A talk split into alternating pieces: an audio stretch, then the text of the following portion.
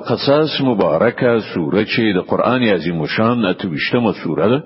په مکی معظمه کې را نازله شوې ده اته اتیا مبارک آیاتونه لري تلاوت او پښتو ترجمه یې لومړی آیت څخه اوري بسم الله الرحمن الرحیم د الله په نوم چې ډیر زیات مهربان پورا رحم لرونکی دی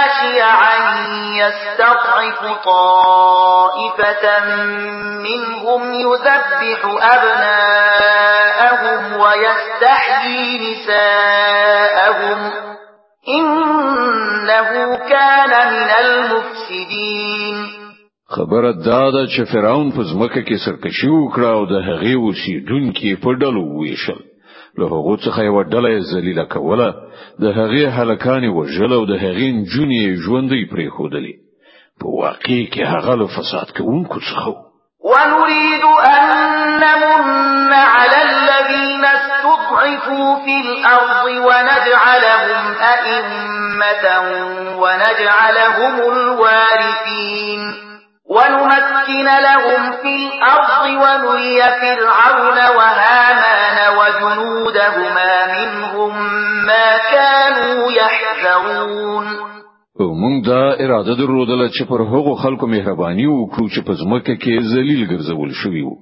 او هغوی رهبران او هم هغوی وارثان وګرځو او په ځمکه کې حکومت ورکړو او له هغو نه به فرعون او هامان او د هغو لخرو ته همغه څه وروخیو چې له هغو سره ویره وه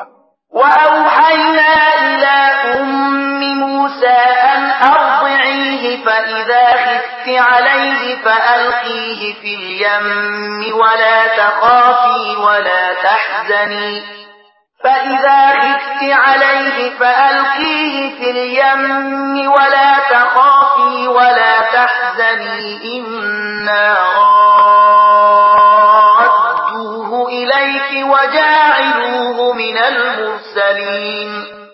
مونږ د موسی امور ته الهام وکړ چې د ته تای ورکړه بیا کله چې له تاسو سره د هغه د سر خطر وي نو هغه په سیند کې وغورځوه او هیڅ ویره و اندېښنه مکوه مونږ هغه ته راګرځون کی او له پیغمبرانو څخه د هغه جوړون کی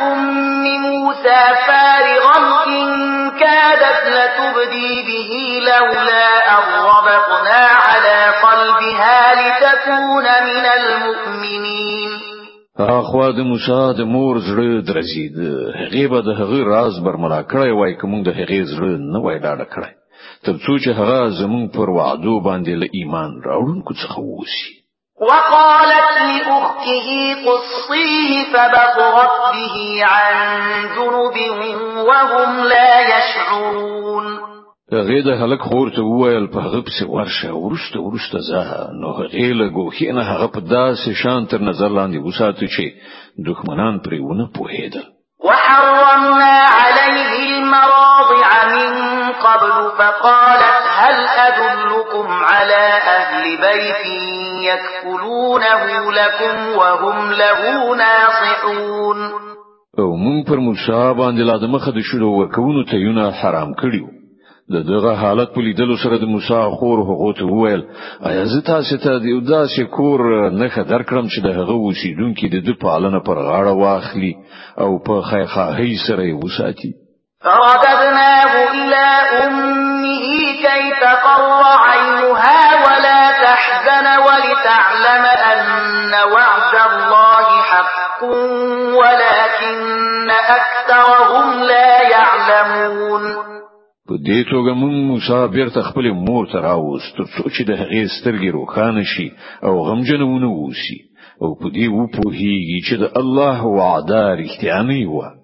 خو زیاتره خلک په دې خبره نه پوهیږي ولما بلغ أشده واستوى آتيناه حكما وعلما وكذلك نجزي المحسنين کله چې موسی د خپل ځواني پوره سن ته ورسید او د هغه وده بشپړ شو نو موږ هغه ته حکم او علم ورکړ موږ کانو ته هم دغه سم مکافات ورکو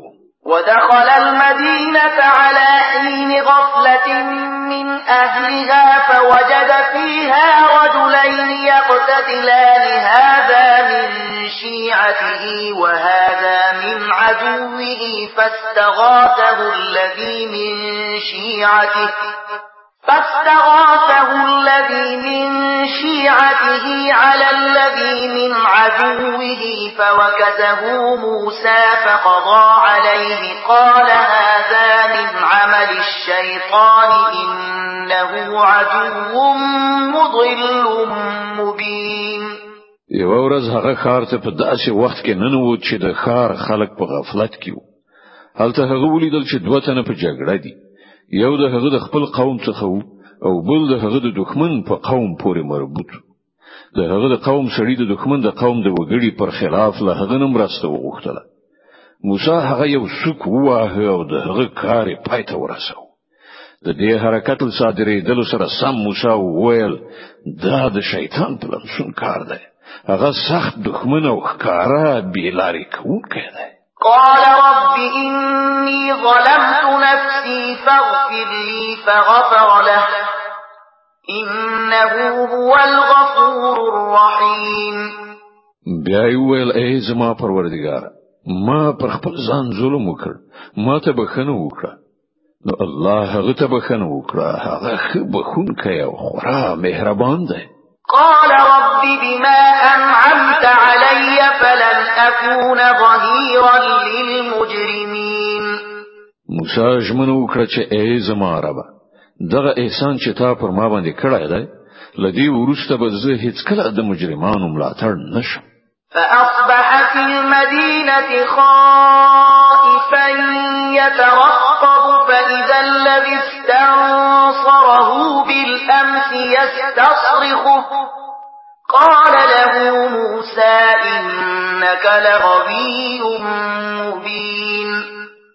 بل ورځ هغه د سهار په تور خړه ویری دونکې او له هرې خوا د خطر په احساس ولو څارونکې په خار کې روانو چې په ناڅاپي ډول څه ګوري چې هغه سړی چې پرونه له دنه ننګ غوښتي و نن بیا د ته د فریاد غږ کوي موسی ویل ته خو په ښکارا توګه ډیر ګمراه سړی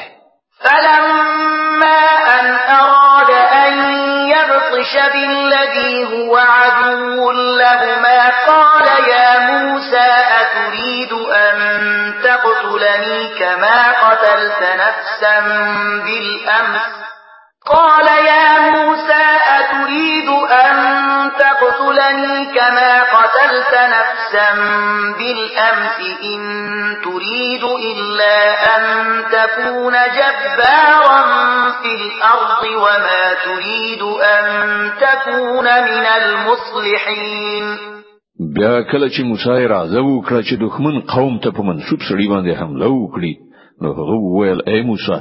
آیا ته نن غواړې ما هم همغه سی وژنې لکه څنګه چې د پرون یو سړی وژلای دی ته غواړې چې په دې هیواد کې د جبر کوونکو په حیث وسیږي اصلاح کول نه غواړې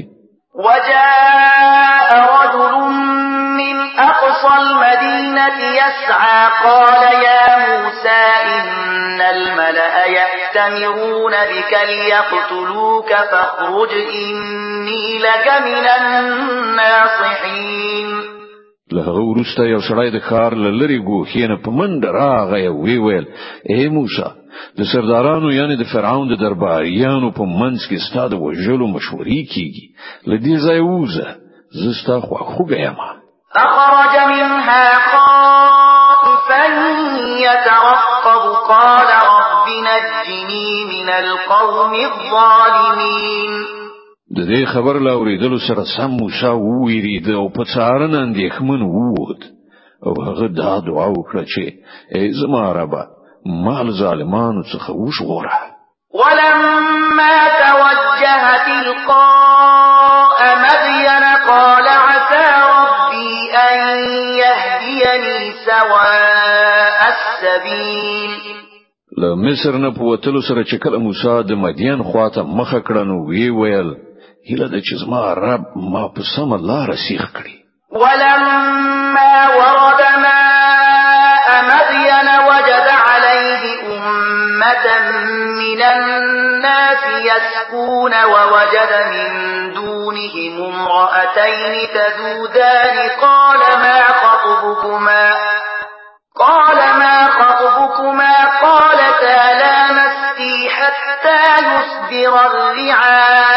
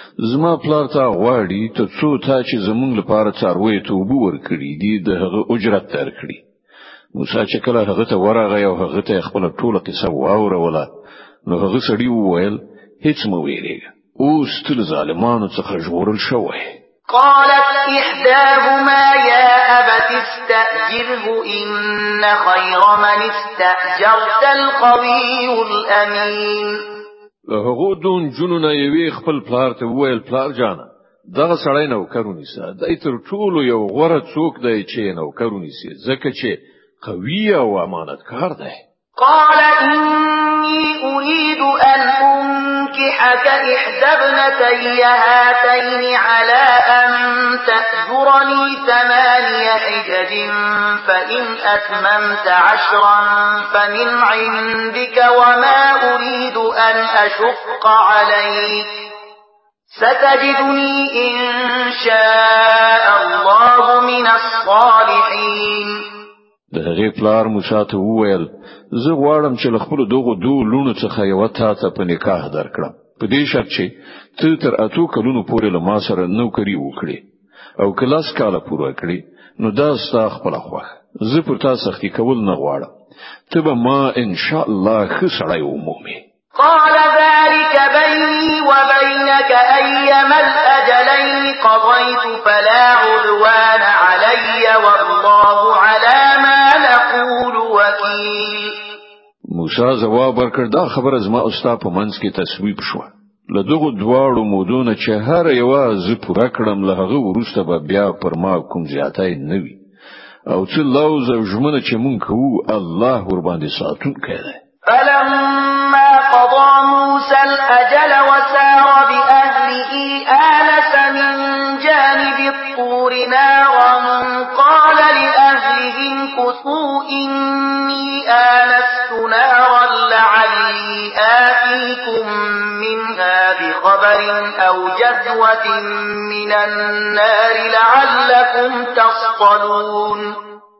کله چې موسی موده پوره کړه او هغه خپل اهل او عیال سره روان شو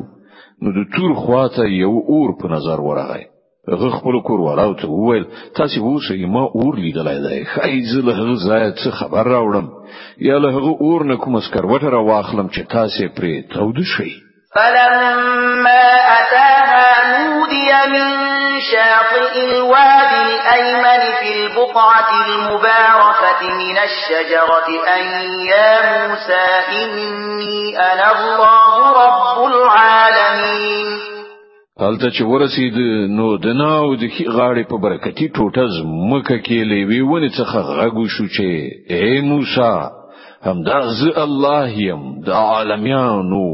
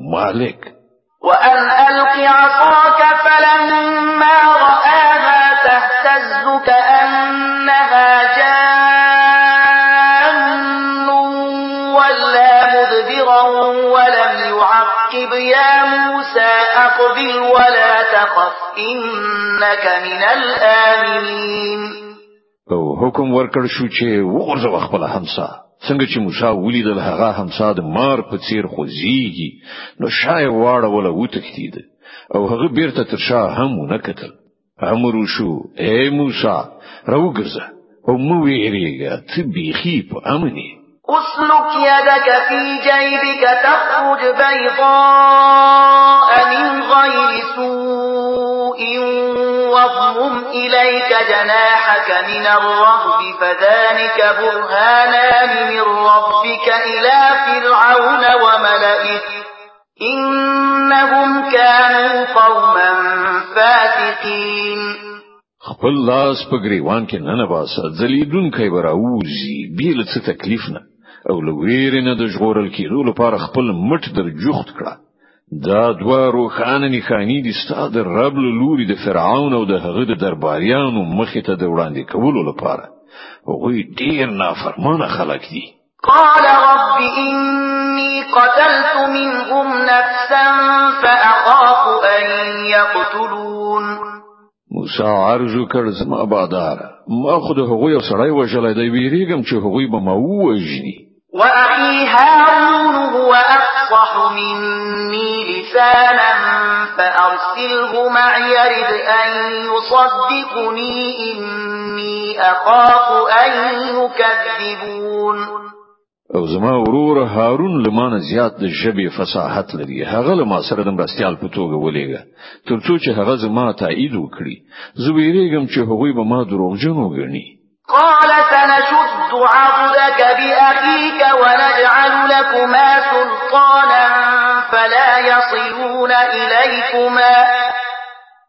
بآياتنا أنتما ومن اتبعكما الغالبون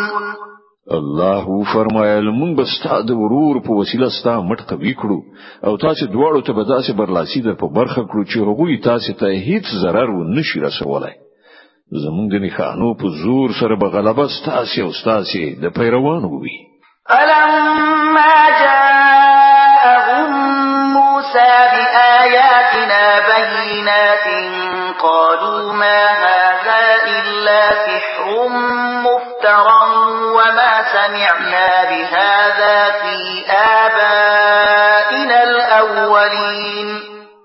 بیا کله چې موسی هغه خلکو ته زموږ له روخانه څرګندو نښانو سره ورغی نو هغه ویل چې دا له سختګي کوډو نه پرته نور څه نه دي او دا خبره خو موږ د پلان نیکه په زمانه کې هیڅ کله نه دی اوریدلی وقال موسى ربي أعلم بمن جاء بالهدى من عنده ومن تكون له عاقبة الدار إنه لا يفلح الظالمون موسی جواب ورکړ زما رب د هغه چا په حال خبر دی چې د هغه لوري له هدایت سره راغلی دی او هغه ډیر ښه پوهیږي چې ورسته عاقبت د چا ښه کیدونکی دی حقیقت دا دی چې ظالمان هیڅ کله برای نه مومي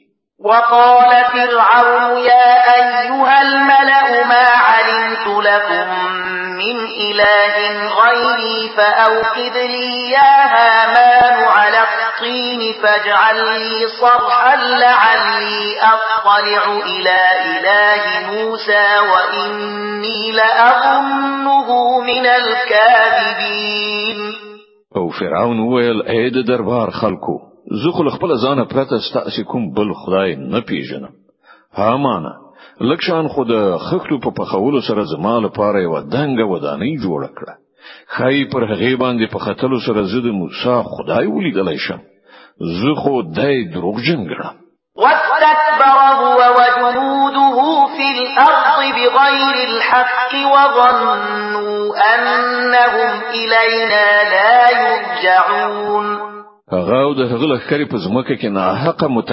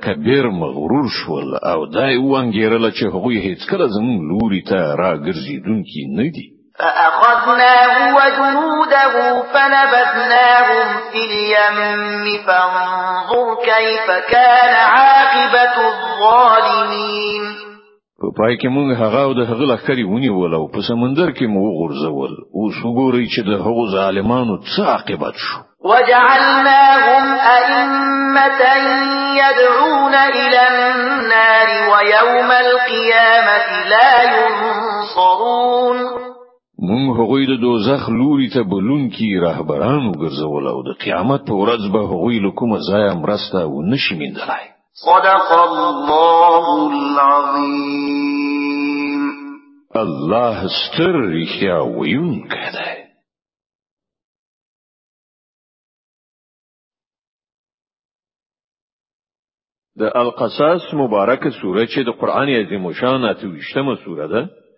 په مکی معظمه کې را نازله شوې ده اته اتیا مبارک آیاتونه لري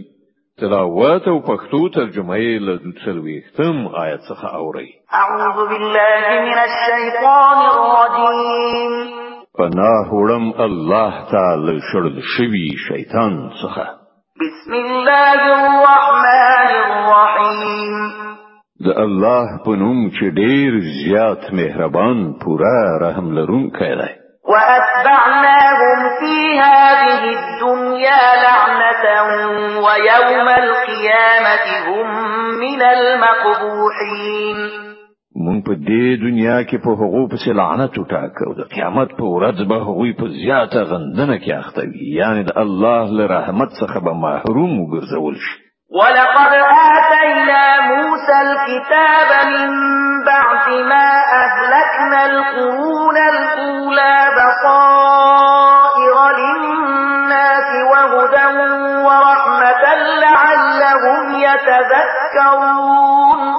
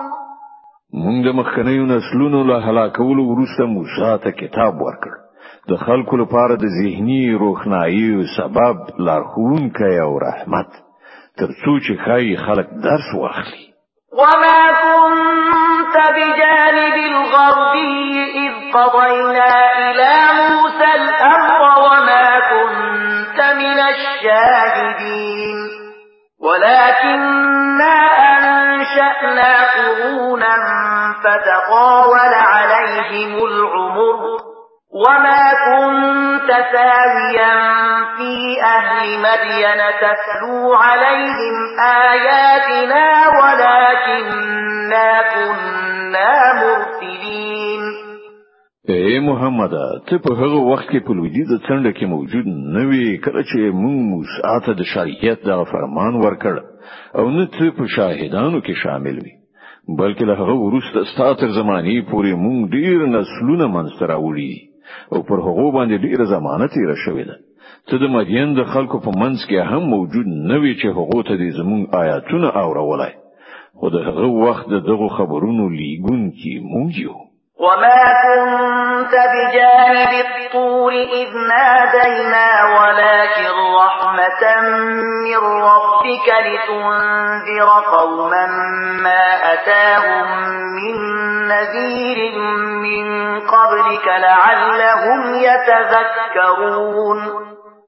او ته د تور په لمن کې هم په هغه وخت کې موجود نه وي کله چې موږ موسی ته لومړی ځل आवाज کړو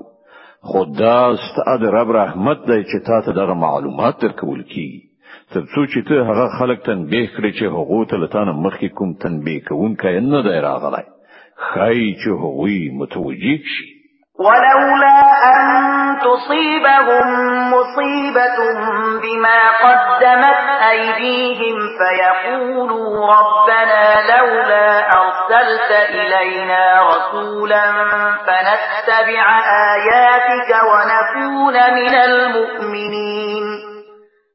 او دا موږ د دې لپاره وکړل چیرته داسې نوي چې کله چې د هغو د خپل کړو وړو لامل پر هغو باندې کوم مصیبت راشي نو هغه وای ای پروردګار تا ولې موږ ته کوم پیغمبر ونه لیږي چې موږ ستاسو د آیاتونو پیروي کړې وای او له مؤمنانو څخه شوي وای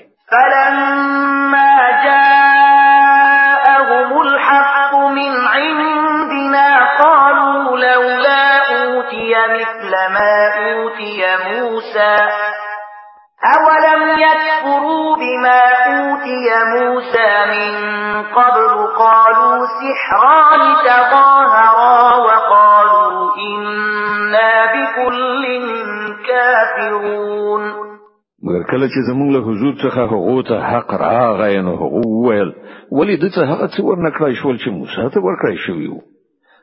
دوی له هغه څه نه منکر شوی نه دي چې له دینه مخکې موسی ته ورکړای شو دوی ویل دواړه کوړي دي چې وا د بلې تایید کوي وی ویل مونږ هیڅ یو نه منو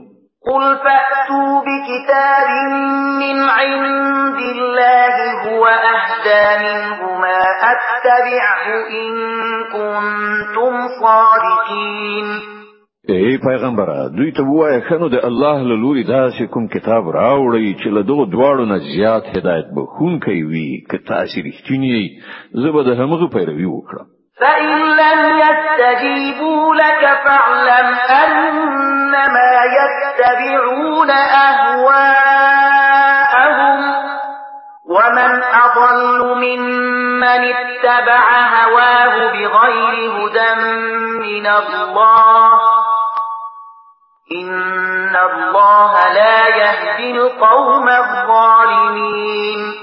اوس که هغوی ستاسو دغه غوښتنه نه پوره کوي نو په هیګه چې په اصل کې دوی د خپل خواهشاتو پیروان دي او له هغه چانه به څوک زیات گمراه وي چې له خدایي هدایت نه پرته فقط د خپل خواهشاتو پیروي وکړي الله دغه ظالمانو ته هیڅ کله هدایت نه کوي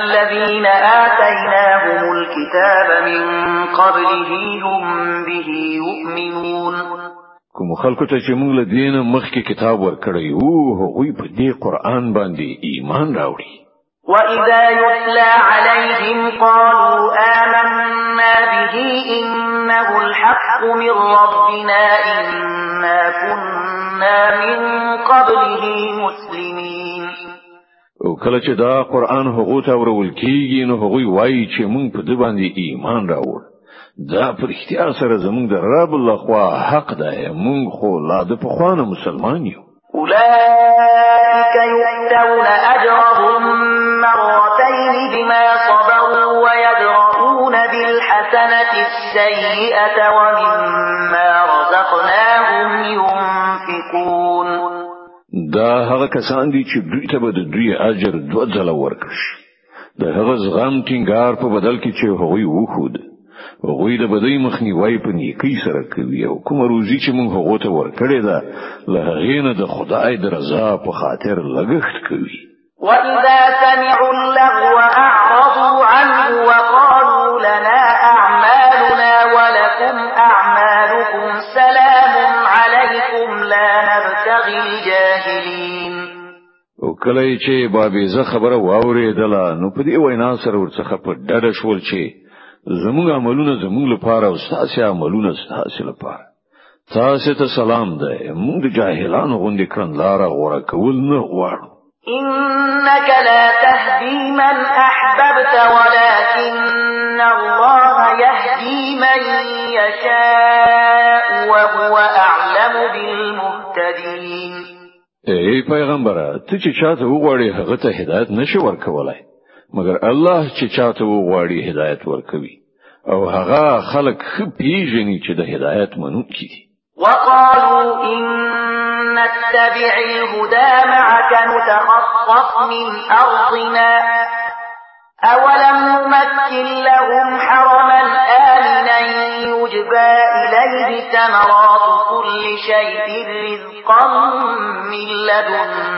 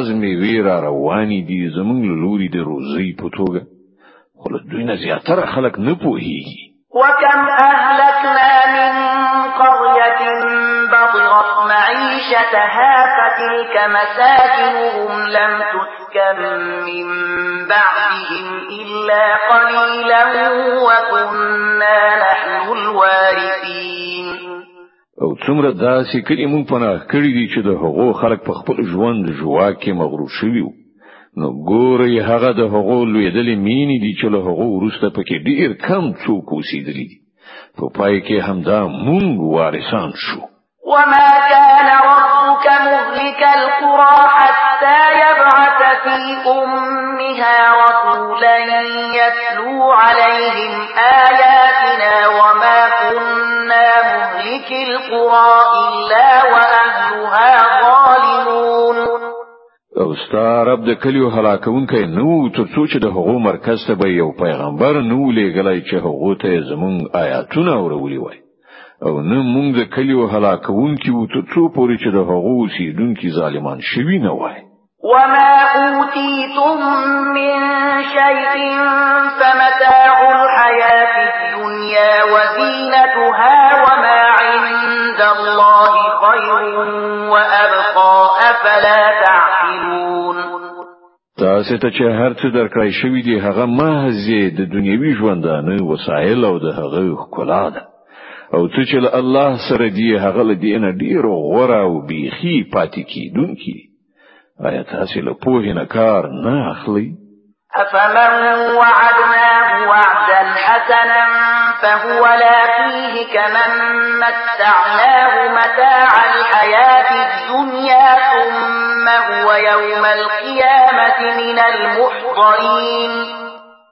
خنو هغه څوک چې له هغه سره مونږ ښه وعده کړی وي او هغه د هغې مندون کوي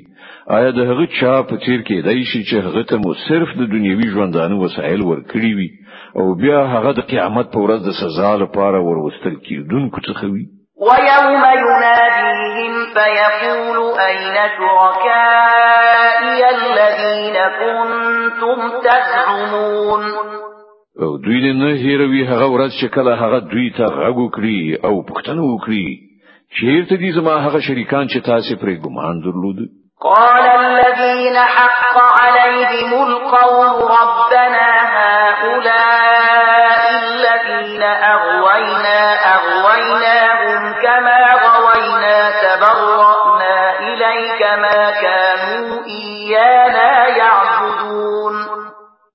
دغه وینا چې په کوم کسانو باندې تطبیقیږي هغوی به وایي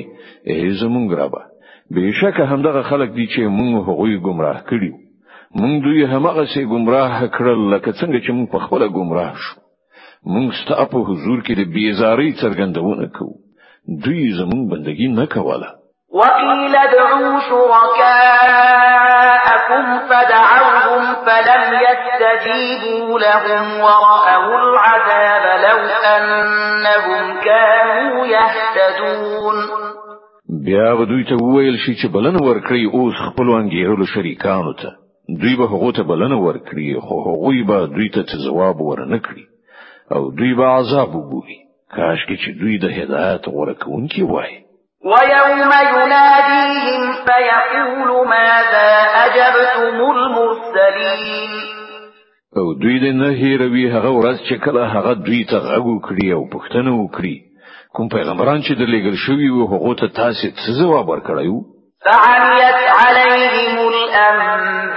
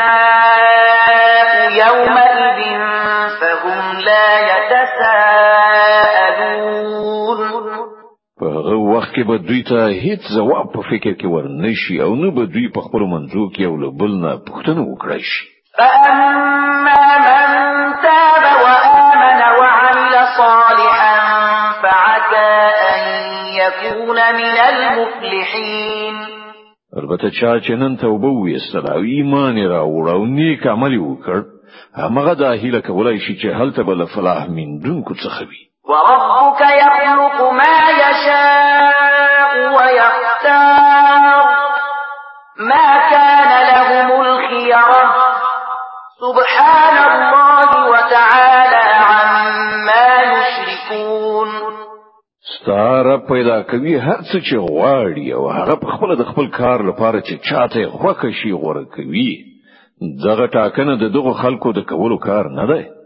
الله پاک دی او ډیر لوړ دی له هغه شرک نه چې دوی کوي وربك يعلم ما تكن صدورهم وما يعلنون ستاره په هیږي په هغه څه چې دوی په زړونو کې پټوي او په هغه څه چې دوی ښکارا کوي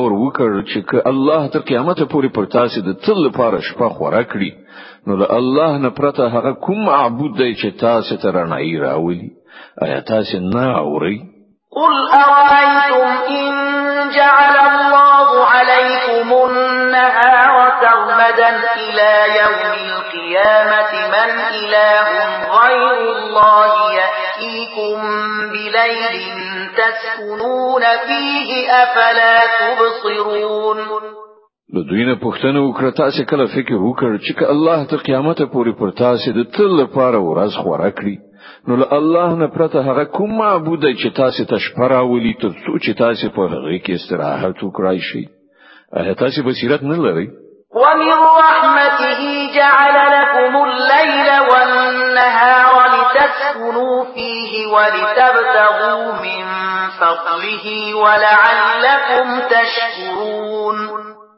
دا د همغه رحمت دی چې هغه ست اصل پاره شپه او ورځ منځ ته راوړي دي تر څو چې تاسو په شپه کې استراحت وکړئ او په ورځ کې د خپل رب فضل ولټوي خای چې تاسو شکر وستونکي شئ ويوم يناديهم فيقول أين شركائي الذين كنتم تزعمون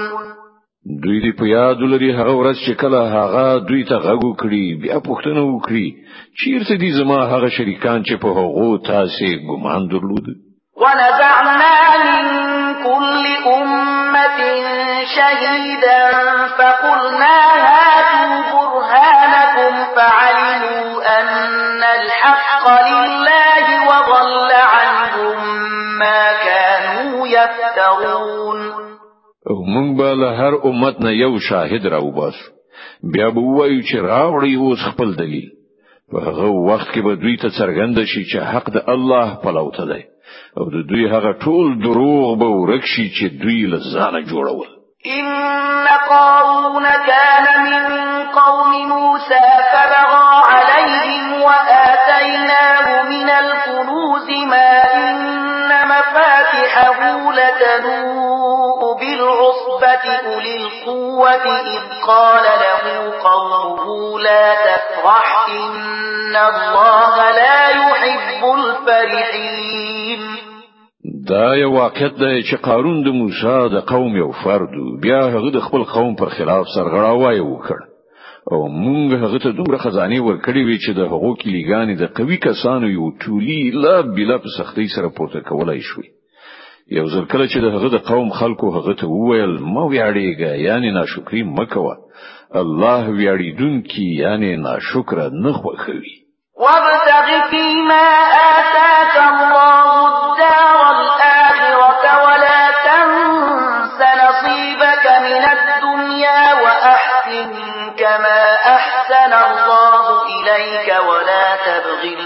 فساد في الأرض إن الله لا يحب المفسدين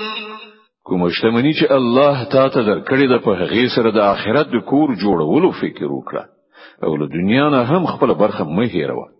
احسان وکړه لکه څنګه چې الله له تا سره احسان کړی دی او په ځمکه کې د فساد ولاړولو هڅه مه کوه الله فساد کوونکی نه خوښوي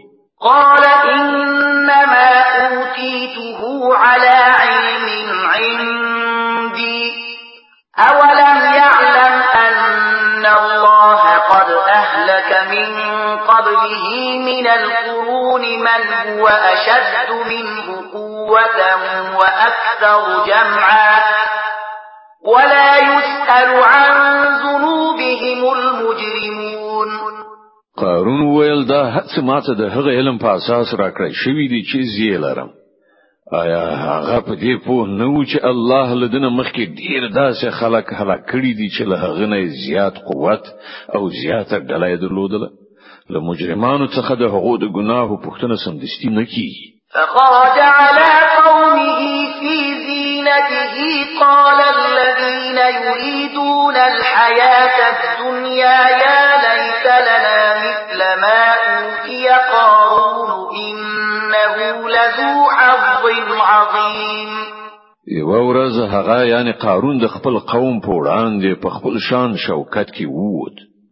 کوم کسان چې د دنیوي ژوند غوښتونکي وو د هغه په لیدلو سره وویل کاش کې زمونږ هم همغه څه وایي چې قارون ته ورکړی شوی دی دای خو د لوی برخې خاوند دی وقال الذين اوتوا العلم ويلكم ثواب الله خير لمن آمن وعمل صالحا ولا يلقاها إلا الصابرون خو کوم کسان چې د علم خاوندانو هغه وویل خواشینی د ستاسو په حال باندې د الله ثواب د هغه چا لپاره ډیر بهتره دی چې ایمان راوړي او نیک عمل وکړي او دا نور کول کیږي مګر د صبر خاوندانو ته فخسفنا به وبداره الأرض فما كان له من فئة ينصرونه من الله وما كان من المنتصرين په پای کې موږ هغه او د هغه کور په ځمکه کې نه نويست بیا د هغه د مرسته کوونکو هیڅ کومه ډله نه و چې د الله په مقابله کې د هغه مرسته تراغلی وای او نه هغه خپل مرسته په خپل وکړای شو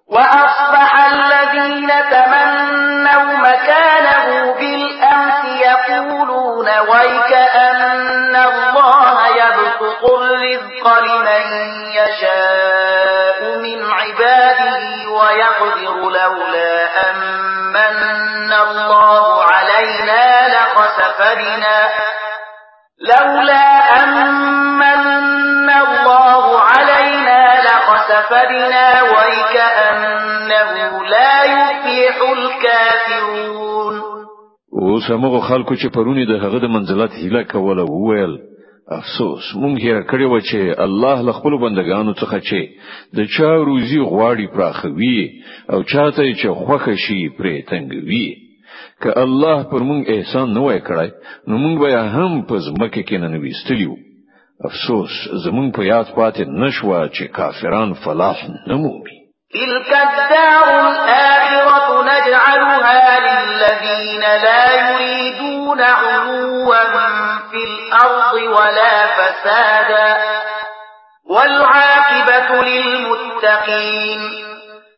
غدا آخرت کو اور خو به موږ د هغو خلکو لپاره مخصوص کړو چې په ځمکه کې خپل لوی نه غواړي او نه د فساد کولو اراده لري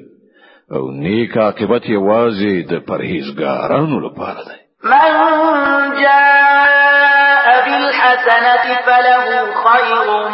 منها ومن جاء بالسيئة فلا يجزى الذين عملوا السيئات إلا ما كانوا يعملون څوک چې لنی کی سره راشي د هغه لپاره له هغې نه زیاته خاني کیده او څوک چې له بدی سره راشي نو د بدو عملونو سره رسونکو ته به همغه څه بدله ورکړای شي لکه څنګه چې عمل کاوه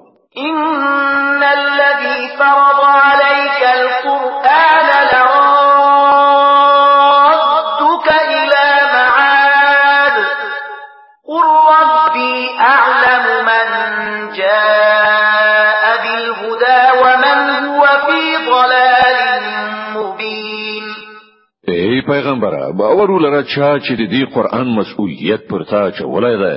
هغه یو ډیر ښه عاقبت ته ستاره رسونکی دی دغه خلکو ته وایي چې زما رب خو په هیږي چې له هدایت سره څوک راغلی دی او په ښکارا گمراهی کې څوک اخته دی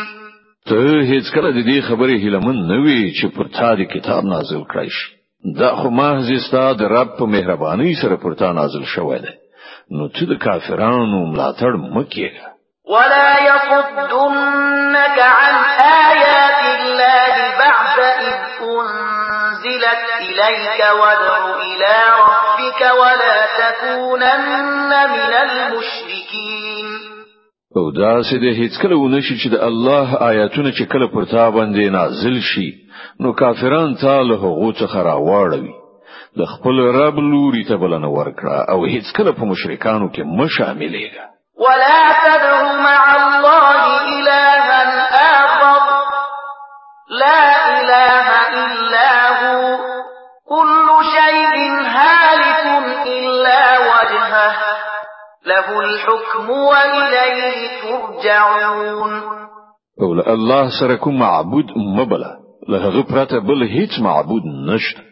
د هغه له ذات پرته هر شی هلاکیدونکی دی فرمان روایی د همغه ده او د همغه لوري ته تاسو ټول ورګرځیدونکي یاست